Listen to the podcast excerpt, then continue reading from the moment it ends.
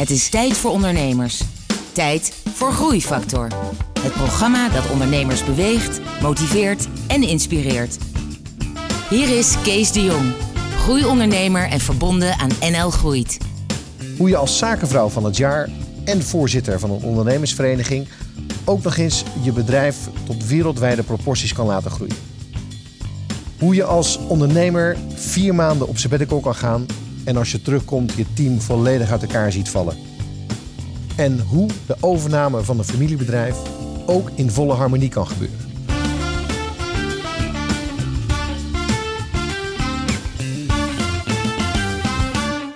Welkom bij Groeifactor, het programma dat ondernemers beweegt, motiveert en inspireert. Met een openhartig gesprek bij mij op de bank met een inspirerende ondernemer of onderneemster, Vivian van Eikelenborg. Welkom. We zijn goede bekenden van elkaar. Uh, je bent uh, uh, eigenaar van Difrax, zakenvrouw van het jaar. Je bent voorzitter van Entrepreneurs Organization. En we gaan het hier hebben over jouw hoogtepunten als ondernemer, dieptepunten en wat jij hebt geleerd. welkom. Dank je. Vivienne, allereerst zakenvrouw van het jaar. Hoe word je zakenvrouw van het jaar? Hmm, goeie vraag. Uh, door het in ieder geval uh, lang, uh, lang vol te houden als, als ondernemer. Um, en um, nou, wat lef te tonen. ik denk in internationale groei en, en innovatie. maar ik was heel vereerd en blij om verkozen te worden. want met mij hadden ook heel veel andere vrouwen daar, daar aanspraak op kunnen maken. Dus ik ben heel blij dat ik de prijs in ontvangst mocht nemen. Nou, ik ben blij dat het een ondernemer is dit keer. Maar je hebt ook nog je bedrijf. Dus hoe, hoe combineer je dat? Nou, dat is best een uitdaging. Uh, uh, inderdaad, in combinatie ook nog met voorzitterschap Entrepreneurs uh, Organization is het best pittig. dat, en dat lukt omdat ik een, een, een team heb die, me, die me heel erg vrij speelt. Um, en ja, daardoor is het mogelijk om de dingen nu te doen die, ik, die ik doe. Ja. We gaan het hebben over jouw bedrijf, Difrax. Difrax is in Nederland marktleider op het gebied van babyproducten. Uh, als je daar niet helemaal in zit, maar speentjes en slabbetjes en speelgoedjes. En, ja, uh, maar ook de, fopspijnen. Ja. De, precies, daar gaan we het straks uh, over hebben. Maar ook wereldwijd lever je in heel veel landen jouw producten. Ehm, hoe, hoe is dat begonnen? mijn ouders zijn in 1967 begonnen. Um, uh, de bedrijfsnaam komt ook van hun namen. Uh, mijn moeder heet Dimfna, mijn vader heet Frank. En de X was vroeger bij ons thuis uh, de geheimzinnige persoon die dat ooit ging overnemen. ik ging dat vooral niet doen toen ik bedrijfskunde studeerde en mijn eerste banen had toen ik in de twintig was. want ik wilde de rest van de wereld ontdekken. Want nou, dat bedrijf, dat, dat zag ik dan wel een beetje voor me, dacht ik. Um, en ik wilde de wijde wereld in.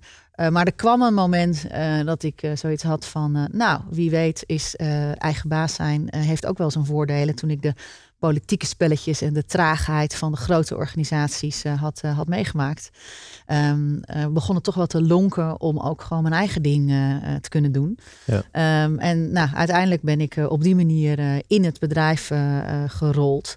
En heb ik in 1999 100% overgenomen van mijn ouders. Oké. En, en daarvoor had je een paar jaar zeg maar, een soort van stage gelopen om te kijken of, of het echt wel een soort bedrijf was dat je zou willen hebben of leiden? Ik ben in uh, 97 in het bedrijf uh, gekomen. Mhm. En toen heb ik eigenlijk tegen mijn ouders gezegd van... nou, ik, ik uh, ben er een jaar, reken nergens op. Want als ik niks vind, dan ben ik uh, ook zo weer weg. Mm um, en, maar in dat jaar werd ik echt gegrepen door de mogelijkheden die er waren. want ik kwam in een babywereld terecht... die, die hartstikke lichtroze, lichtblauw, bloemetjes, beertjes... nou, truttigheid ten top was. Dus ik had echt zoiets van, nou, dat moet anders kunnen... Um, en uh, ik ging vragen stellen in dat jaar van uh, waarom is dat product uh, zo, die, die, die, die vorm en dit en dat. Ik kreeg helemaal geen duidelijke, duidelijke antwoorden. Dus ik dacht van ja, als je hier gewoon goed over nadenkt, moet je een veel beter product in de markt ja. kunnen zetten dan wat er op dat moment was. Maar, maar, en, dat, maar dat, dat typisch familiebedrijfssituatie maar ik kan me voorstellen dat jouw ouders vervolgens heel erg geïrriteerd waren. Omdat je alles ter discussie ging stellen van wat zij de jaren ervoor hadden gebouwd. Nee, want ik heb het wel ook geleidelijk gedaan. Uh, okay. Ik ben echt, eh, zeker dat jaar één heb ik alleen maar die vragen gesteld. En uh, uh, nou ben ik dingen gaan doen meer op marketinggebied en op salesondersteuning die nog niet gedaan werden. En toen ben ik langzaam dingen gaan veranderen. Maar ik heb het niet heel rigoureus gedaan. Ehm, dus uh, nou, nee, het is. Uh, en mijn ouders hebben daar altijd wel ook heel knap wel de ruimte voor gegeven, inderdaad. Um, en vanaf 1999, dus je praat 97, 98, hebben we het samen gedaan. En, en, 97 was dat oriëntatiejaar. En toen, na dat jaar, heb ik gezegd: ik blijf. Uh, en toen zijn we, hebben we een jaar lang gedaan over de overname. In de zin dat we daar uh, heel rustig een aantal gesprekken over gevoerd hebben. En op je... Dus ook het financiële deel van de overname. Ook het financiële deel van de overname. Dat is natuurlijk ook. Uh, en ik heb, heb, een hele zakelijke overname uh, gehad. Wat ik in de familiesmeer is dat best moeilijk. Maar uiteindelijk ben ik van overtuigd dat dat de beste bedoel, uh, zakelijk, je hebt gewoon een goede prijs betaald. Precies. Ja, ja hè, twee accountants erbij. Mijn ouders hadden een accountant. Uh, um, ik heb zelf een accountant gezocht. Die hebben allemaal, uh, allebei een waardebepaling gemaakt. daar is over gediscussieerd. En uiteindelijk wil je als, als kind natuurlijk het liefste in, in de onderkant van dat grijze gebied terechtkomen. maar nou, gelukkig, achteraf gezien, is het, is het een hele zakelijke ehm, bedrag uitgekomen. En dat is met name natuurlijk ook richting mijn broertje en zusje. Uh, is dat gewoon zoals het hoort. Ja. En is er daardoor ook nooit één, één onvertogen woord over gevallen. Uh, dat ik uh, iets gekregen zou hebben. Want iedereen weet dat dat niet zo is. Hey, maar dan, dan is het eind 99. Die deal is gedaan. de, alles is getekend. En dan begin je je eerste dag als de chef van dat bedrijf. Mm -hmm. hoe, hoe kan je die ervaring nog oproepen? Nou, ik weet vooral dat ik op dat moment dacht van, nou, ik ben zo ongeveer van de bank. Want ik had een jaar daarvoor een huis gekocht uh, en toen uh, nog uh, dit bedrijf eroverheen. dus ik weet dat ik dat wel even dacht. En als ik daar af en toe nu ook aan terugdenk, dan weet ik ook niet met wat voor jeugdig enthousiasme ik daar ingestapt ben. En, en dat ik dat ook wel allemaal gedurfd heb op dat moment. Maar ik deed het wel. En het, ik geloof ook niet dat ik verder, behalve dat financiële druk, druk en stuk um, ging ik verder met wat ik al deed, die twee jaar daarvoor. Dus het was niet in één keer een breakthrough dat ik uh, in één keer heel wat anders ging doen. Maar je had nog nooit zo'n grote organisatie geleid. Nee. Je had nog nooit zelf producten moeten ontwikkelen. Je had nog nooit zeg maar, zelf alle moeilijke gesprekken met alle leveranciers en met alle klanten moeten volgen. Hoe verging je dat die eerste uh, maanden en jaren? Um, nou, uh, uh, toen ik erin stapte was het een organisatie met uh, twaalf mensen. Dus het, het was op zich wel te overzien. Ja. we deden op dat moment nog Hoeveel heb je er nu trouwens? Dertig. Um, we, hebben, we, we, deden op dat moment geen productontwikkeling. Dat zijn allemaal de dingen die ik ben gaan doen in die, in die jaren die daarna kwamen.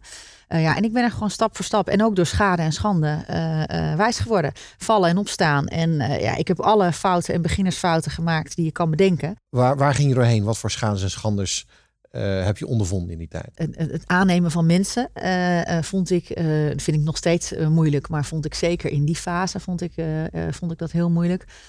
iedereen die een beetje enthousiast tegenover me zat, dacht ik van ja, jij gaat het wel doen, want waarom niet? En, maar dat nou, is een, zeker een schaal en schande. Deze. een dure. ja, dat zijn hele dure. dus dus veel te makkelijk daar, daarin, daarin gestapt en uh, niet goed genoeg op, uh, op, uh, op doorgevraagd. Soms ook mensen vanuit grotere organisaties, corporate organisaties. Maar in een kleinere organisatie, 9 van de 10 keer werkt het niet. Hè. Heel veel mensen zeggen dat ze dat willen, dat ze juist aan het roer willen staan en, en in, in een kleinere organisatie. Um, maar dat is echt toch een andere cultuur en een andere werkwijze. dus daar ben ik ook verschillende keren op, op, op onderuit gegaan. Um, als je naar gaat, kijkt aan de productinkoopkant. Um, ja, weet je, ik zit natuurlijk in een wereld waar het heel erg gaat over safety, hè, controle uh, op producten. ja, want het gaat over baby's. Precies, het gaat over baby's. Dus het is allemaal gewoon nou, hoog in, in de kwaliteit. want anders gaat het, gaat het niet goed. dus ik heb ook wel eens een product ingekocht in het, in het Verre Oosten. En toen kwam het in Nederland, gingen we toen pas testen en kwam het nergens doorheen. En toen had je een container klaar Precies, toen had ik al het staan. nou, dat zijn ook dingen die doe je één keer. en dan weet je ook weer dat je dat, dat, dat hem niet gaat eh, gaat worden. Vervolgens ging ik die partij uh, verkopen aan een restanthandelaar. Uh, en kwam die natuurlijk linksom door, door via Polen weer terug. alsnog bij, bij een Nederlandse klant.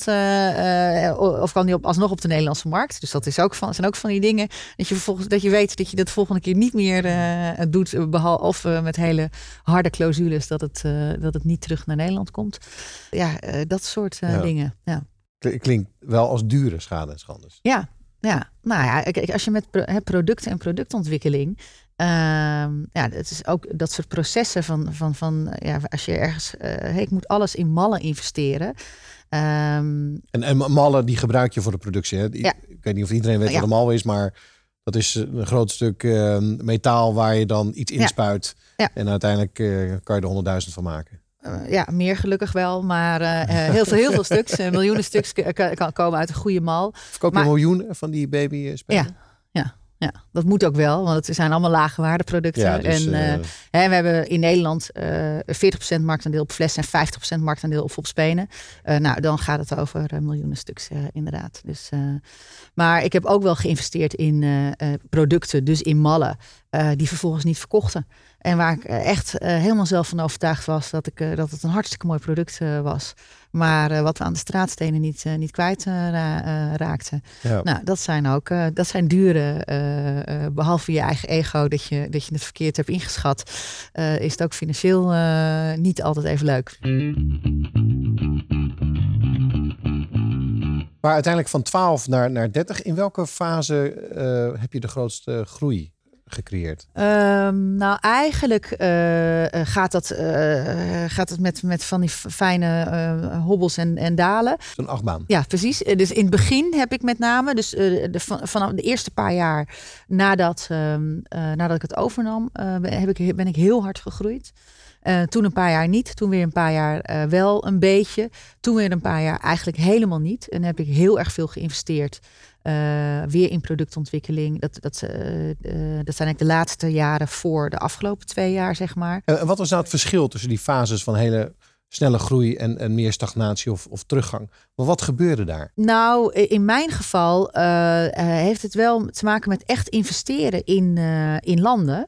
Eh, de- eigenlijk investeren in productontwikkeling en investeren in landen. Want dat zijn mijn twee grote groeicomponenten. Ik moet product hebben. Ehm, maar kijk, een, de ontwikkeling van een, van een borstkolf of een flessenwarmer heeft mij vier jaar gekost. Dus daar gaat heel veel energie in, er gaat heel veel geld in en er komt vier jaar lang komt er niks van terug. Ja. Eh, een land, ehm, eh, hè, dat is mijn grote uitdaging, überhaupt vandaag de dag nog steeds. Ehm, ik ben niet zomaar een merk in China. Eh, da- dat is gewoon jarenlang buffelen en stap voor stap opbouwen. Voordat je op een gegeven moment op een punt komt dat je weer, eh, dat je weer een groeispeurtje kan, eh, kan maken. Ja. Maar daar zit jaren van, van, van investeren en buffelen komt daar voor. Dus het zit een beetje, het heeft bij mij daar denk ik mee te maken in het bedrijf. dat op het moment dat er een product klaar was en dat sloeg aan, dan kon ik weer een speurtje maken. Ehm, en, maar dat geld heb ik 9 van de 10 keer weer geïnvesteerd dan weer bijvoorbeeld in landen. Dus je ziet het ook lang niet altijd terug in, de in de winstontwikkeling. Want ik heb jarenlang gewoon eh, heel veel geïnvesteerd eh, Ja. in, eh, in, in al dat soort projecten. Groeifactor is een initiatief van MKB Brandstof. Ga naar mkbbrandstof.nl voor nog meer openhartige verhalen van inspirerende ondernemers. Groeifactor inspireert ondernemers. We hebben het net gehad over de achtbaan. Met eh, hele mooie pieken en daarna ook onverwachte eh, dalen. Ehm, zou je nog eens een keer zo'n dal kunnen beschrijven? Wa- wa- Wat, wat gebeurde er? Nou, ik vind allereerst eh, eh, als ondernemer, het, is never a dull moment. Er is, er is altijd wat. Eh, ehm, denk je dat je je team op orde hebt en het volgende moment heb je dat niet. Het ene moment heb je gewoon je prijsbeleid goed op orde en dan gaan schieten de euro-dollar koersen 30% onderuit. Moet je daar weer op sturen. Eh, vervolgens krijg je een fabriek die besluit te gaan mergen. Eh, en zeggen dat ze het allemaal onder controle hebben, hebben ze het niet onder controle. Daar zit ik nu weer middenin. Ehm, en heb je geen voorraad. En, eh, nou ja, en als ik geen product heb, dan heb ik ook geen omzet. Ehm, dus dat zijn eh, van die eh, fijne eh, tegenvallers die, die je maar weer moet managen. En, en weer kijken hoe je daar zo snel mogelijk weer, weer doorheen komt. Ja, het, het klinkt een beetje als zo'n krankzinnig spel. Waarbij je iedere keer aan zo'n radartje draait. En dat je nooit weet wat er nu weer eh, gebeurt. Nou, zo ervaar ik ondernemerschap dus eigenlijk wel. Dat er gewoon, er is altijd wat. Eh, eh, denk je inderdaad dat je het op orde hebt, dan gebeurt er ook wel weer ergens. En in mijn geval is het natuurlijk ook ja, de breedte van de tekentafel tot en met eh eh after sales. ehm, via vier verschillende saleskanalen. Of het nou e-commerce is of via retailers rechtstreeks of via distributeurs. Um, er zijn zoveel radars. Ja, er, vliegt er, er vliegt er altijd wel eentje uit. Ja. Dus ik heb dat ook wel leren accepteren. En daar ben er steeds minder wakker van gaan liggen. Omdat ik het als een fact of life ben gaan beschouwen. Dat er gewoon altijd wat is. Wat niet wil zeggen dat bijvoorbeeld dingen als um, teams die onderuit schieten. dingen met mensen. dat zijn nog de, de dingen waar ik het meest wakker van, van, van lig. Uh, bijvoorbeeld uh, het moment dat ik uh, dacht dat ik een heel managementteam op de rails had. En dat uiteindelijk dat ik dat niet had. dat zijn de momenten die er bij mij echt wel inhakken. Dat ik wel echt dacht van, oh, hoe ga ik dit weer, dit weer oplossen? En, en als je dan terugdenkt, waar is het dan de weeffout? Zat er ergens een weeffout of was het gewoon pure pech? Um, ik denk dat het een combinatie is. Uh, dat het een stukje pech is. Dat het, het had anders gekund. Het had, het had goed kunnen gaan. Um, maar als ik helemaal eerlijk ben, dan, uh, dan zat er een weeffout inderdaad al in. Dat, het, dat, het, dat de constructie met het team wat er toestond niet goed genoeg was. Ja. En uh, dat ik dat wel uh, misschien wel deep down wel wist, maar dat ik het niet wilde zien. Want ik wilde op dat moment in, uh, met sabbatical uh, in 2014. Ik wilde er vier maanden tussenuit naar op dat moment 17 jaar ondernemerschap. Um, en ik wilde het niet zien dat daar wellicht dat het wellicht niet zou kunnen, ja. omdat ik daar nog wel wat werk aan de winkel had. Waar was je naartoe? Vier maanden? Ik ben um, India, ehm, en Nepal en Bali geweest, zeg maar in die periode. Okay. Ja, dus een hele mooie reis gemaakt. En ook heel, heel erg fijn dat ik dat heb kunnen doen. Daar ben ik op zich, dus het team ook heel dankbaar voor. Dat ja. ik gewoon vier maanden lang geen e-mail, uh, geen contact met de zaak. Ik had echt even behoefte om uh, een andere, andere blik op de wereld ja. te hebben. En dat, dat is ook gelukt. En uiteindelijk vind ik het dus ook wel waard dat ik dat, die ervaring neemt niemand meer af. En nou ja, oké, okay, het jaar daarna maar, heb maar, ik een prijs betaald. Je kwam terug. Ja. En, en toen? Uh, toen bleek dat het, uh, het team die vier maanden niet zo uh, fijn en, had ge gevonden en goed had doorstaan als dat ik dat zelf daar in India had doorstaan. Dus ze zijn er onderling niet lekker uitgekomen. En uiteindelijk is dat, dat, dat hele team dus eigenlijk op, opgestaan en, en opgehouden te bestaan. en moest, moest ik, moest ik eigenlijk, wat dus totaal niet mijn doelstelling was, moest ik weer terug de boek op. Uh, en, uh, en moest ik weer opnieuw gaan, uh, gaan, gaan opbouwen. en weer eigenlijk zelf de, terug de operatie ook in. wat echt het laatste was, uh, te, te, te, dat ik Zen uit India kwam, uh, dat mijn, mijn doelstelling was. Ik, uh, maar welk, welk inzicht heb je hier nou aan overgehouden dat je zou kunnen delen met andere ondernemers? Nou, dat je wellicht dus heel goed naar je buikgevoel moet luisteren, omdat ik al wist dat dat, dat team wellicht niet optimaal ging functioneren. Um, en dat het uiteindelijk, ja, dat de goede mensen in huis, dat dat gewoon key is. Ja. Dat blijft een belangrijk onderdeel. Die fractie toen je het overnam, had ze lang niet 50% marktaandeel. En nu wel. Dat is toch een hele bijzondere en knappe prestatie. Wat zijn de onderdelen van dat succes? Nou, het begon ermee dat hè, toen ik het bedrijf overnam, was het een handelsbedrijf in babyartikelen. Uh, het product kwam ergens van de plank en uh, werd verkocht in Nederland. Uh, ik ging die vragen stellen van uh, waarom zo en, en ik vond het er niet mooi uitzien. Mm -hmm. Dus de enige oplossing die ik had was een beter product ontwikkelen. En uiteindelijk dat eigen product en dat eigen uh, design en uitstraling. ik denk dat dat het grote verschil heeft gemaakt in, in, in die marktaandelen en in die groei. want we hebben een heel goed en doordacht product. Hè? Een, een, een, elk product heeft een verhaal. Overigens moet ik dat verhaal ook hebben. Want ik wist al heel snel dat ik me op de internationale markt wilde begeven. Uh, en die twee doelen, uh, internationaal en productontwikkeling, die hebben ook wel met elkaar te maken. Want ik kan niet op dit niveau productontwikkeling doen met die investeringen voor de 180.000 baby's die in Nederland geboren worden. Ja. Ook al heb ik daar 50% marktaandeel voor. Dat, dat, dat gaat hem niet worden. Dus ik moet die andere landen hebben.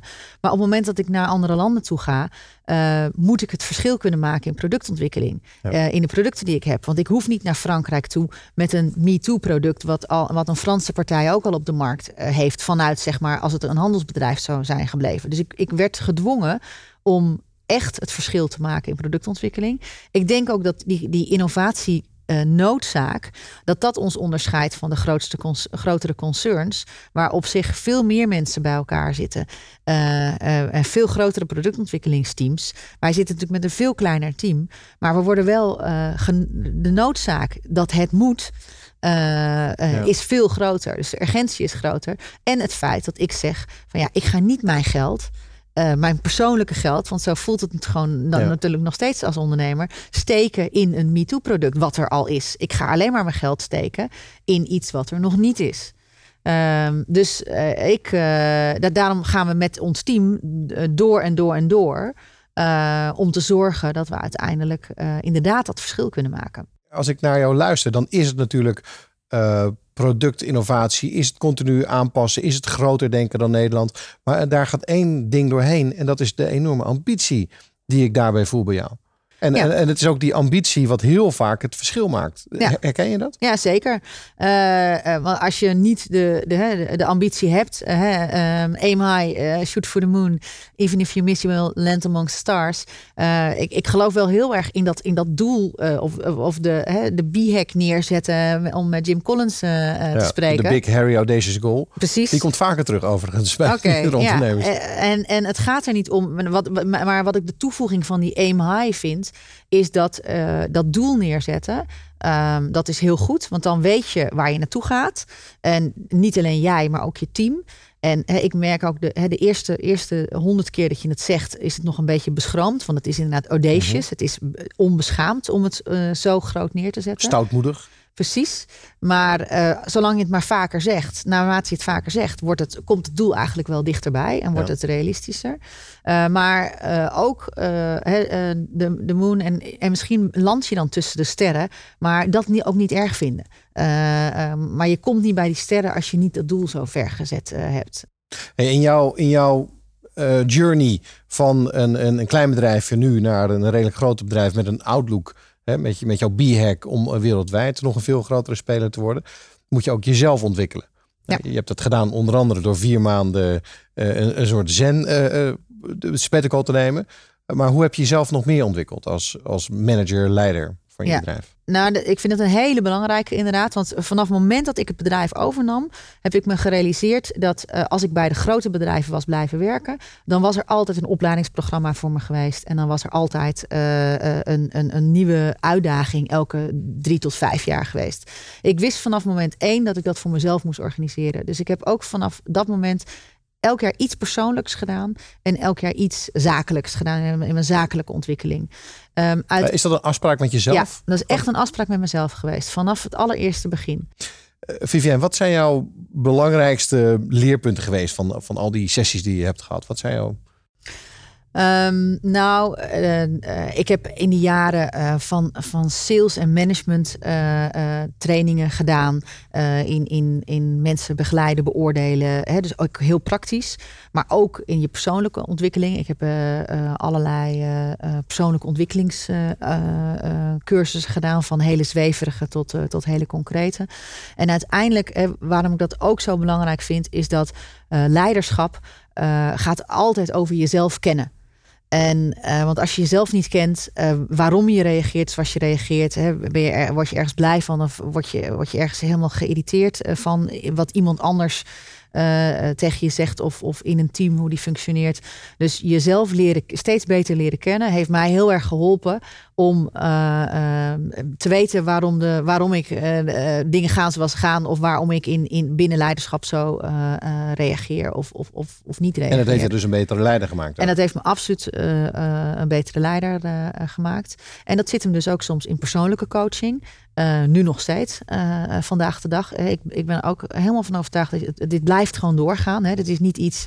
Ik geloof heel erg in, in continuïteit, in blijven leren. Um, dus persoonlijke coaching is daar ook een belangrijk element van. Over blijven leren gesproken. Ik noemde al in het begin, jij bent ook voorzitter van Entrepreneurs Organization. Um, en dat is volgens mij ook een organisatie die als doel heeft om van elkaar te blijven leren als ondernemers. Jij bent er voorzitter van. Wat, Vertel eens iets meer over. Ja, en ik ben en oh, zelf dus al twaalf jaar heel enthousiast eh, lid. En precies om dit feit, uh, dat het blijven leren en met name het leren van elkaar. Ehm, andere ondernemers uh, vanuit een andere branche, maar die tegen precies dezelfde dingen aanlopen waar ik ook uh, tegen aanloop. En daar die ervaringen delen, dat heeft mij enorm veel geholpen. Um, dus dat is wat er binnen Entrepreneurs Organization ook gebeurt. Leren van elkaar. Um, in kleinere uh, forumgroepen noemen we dat. Uh, maar ook internationaal. Uh, daar zitten heel veel Het is een internationale club? Ja, het is een internationale Hoeveel club. mensen zijn er 14.000 ondernemers zijn er wereldwijd wow. lid van. Het is geen netwerkorganisatie. -huh. Het is geen kaartjesorganisatie. Want het gaat niet over zaken doen. Maar het gaat over leren van elkaar. Um, en internationaal heeft me met name geholpen. Dat, dan je hebt universities en je hebt in Boston MIT heb je een opleiding die je kan doen. Het heeft mij continu geïnspireerd gehouden. Maar, het, maar ook dat, dat contact met bijvoorbeeld de Amerikanen uh, heeft me veel groter durven laten denken. en ehm, nou, dat, dat, dat soort invloeden en überhaupt de hele internationale ervaring. dat, je, dat je dan weer naast een Arabier staat en dan naast een Japanner. en dat het allemaal inspirerende mensen zijn met mooie verhalen. Uh, daar ben ik altijd heel blij van geworden. En dat, ja. dat heeft, dat, ik heb dat nodig om uh, uh, energie te blijven geven in mijn bedrijf. Hè. Ik, je moet naar medewerkers toe, naar je team toe, naar überhaupt de hele, de, hele wereld eromheen, moet je heel veel energie geven.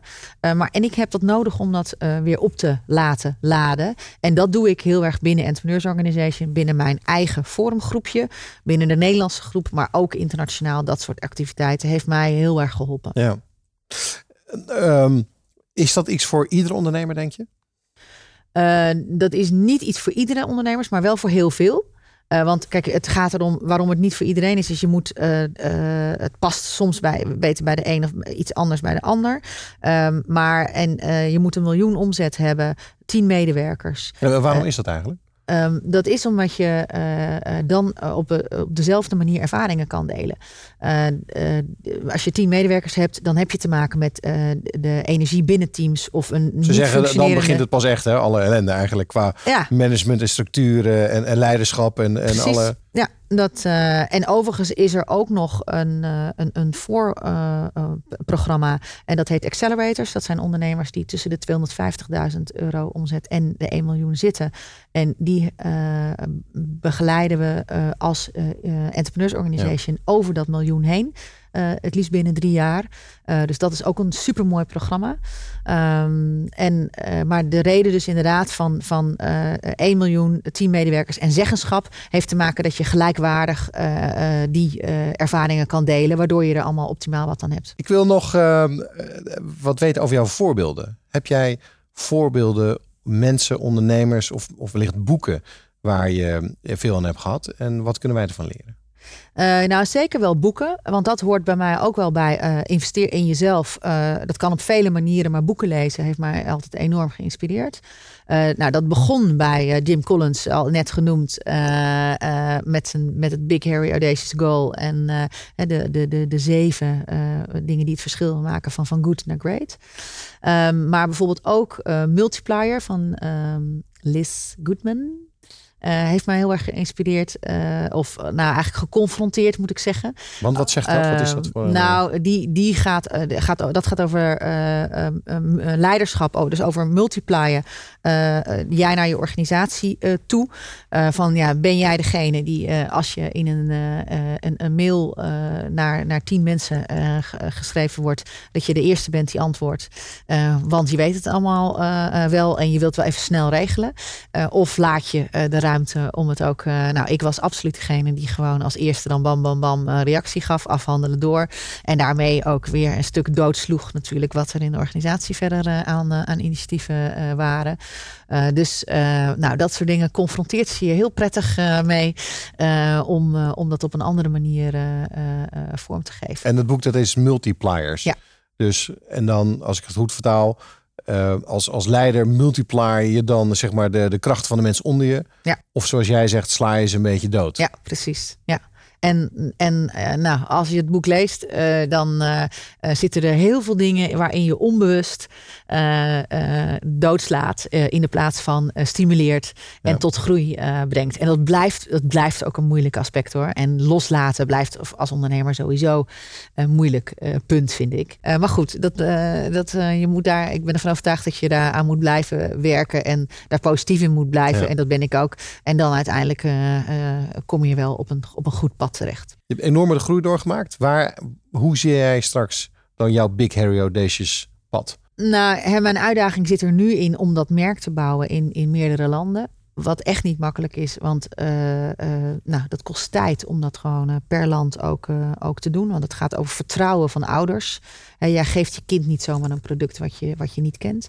dus daar heb, daar heb je een lange adem voor nodig. Nou is die lange adem is niet echt, in, in de zin van geduld, is niet echt mijn beste eigenschap. Um, dus, dus ik denk dat ik het nog een aantal rondes verder kan brengen. Maar dat er op een gegeven moment ook een moment komt dat ik zoiets heb van oké, nu moet er echt een versnelling in en nu moet het op een andere manier voor gegeven worden. En dan uh, ga ik uh, ga kijken hoe ik dat tegen die tijd ga doen. Maar ik heb er nu nog te veel lol in om het ook zelf stap voor stap op, op te bouwen en, en, en verder te gaan. Um, maar dat is, het is een best een pittig, pittig tochtje. Ja. ja. Nou, um, ik, ik mag zeggen, ik met name in dit gesprek je energie en, en ambitie spreekt heel erg. En ik denk nogmaals dat dat inderdaad een belangrijk deel is van het succes van, uh, van Difrax. En niet voor niks waarom je voorzitter bent van Entrepreneurs Organization. En waarom je tenslotte nog zakenvrouw van, zakenvrouw van het jaar bent, uh, bent gekozen. Um, dus ik heb echt veel respect voor je, hoe je dat hebt gedaan en hoe je het allemaal weet te combineren. Um, zou je nog een laatste advies hebben, laatste inzicht, wat je met luisteraars zou willen delen? Uh, nou, kijk, mijn belangrijkste lessen, hè, die hebben we gedeeltelijk besproken. Dat is aim high. investeer in jezelf. Altijd blijven investeren.